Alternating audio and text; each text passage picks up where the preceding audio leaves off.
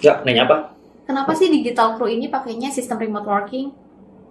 Oke, jadi crew itu kan uh, kita berdiri ini sebetulnya dari project by project ya. Dan dulu itu kita tuh nggak ada cost buat office. Hmm. Makanya kenapa kita pakai remote working biar uh, meminimalisir cost dan sebetulnya kita belum perlu-perlu banget. Tapi uh, seiring berjalannya waktu kita ngerasa, apalagi pas covid ya, kita ngerasa uh, remote working itu adalah sistem yang paling fit dengan kondisi covid. Karena kita nggak perlu ketemu, kita bisa pakai online uh, meeting platform dan akhirnya itu jadi sistem yang paling uh, berjalan uh, bahkan sampai sekarang gitu dan ya itulah sebetulnya alasan kenapa dari dulu sampai sekarang kita pakai remote working gitu. Terus untung ruginya apa tuh kak?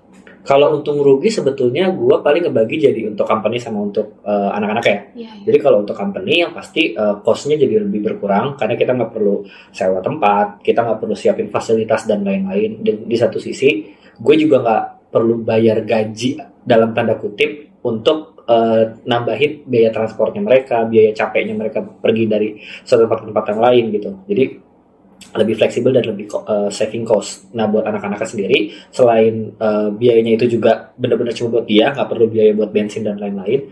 Kan uh, kru ini kan agency ya, jadi uh, dituntut untuk bisa kerja kreatif dan kerja sesuai dengan apa yang lagi tren.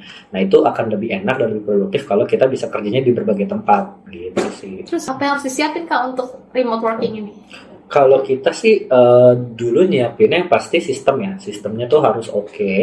Eh, apa namanya workflow-nya siapa harus menghubungi siapa bertanggung jawab sama siapa eh, timeline workflow-nya gimana gitu jadi you have to create a good system then eh, komunikasi antar tim juga harus dilakuin karena kan kita nggak bisa selalu standby on laptop atau on WA cuma kita bisa harus tahu nih eh, kapan anak-anak ini lagi mode ngerjain mode eh, nggak bisa diganggu atau justru lagi kapan bisa fast respon dan lain-lainnya. Nah selain itu juga eh, remote working versi kita itu kan gak ada office hour sama office day ya.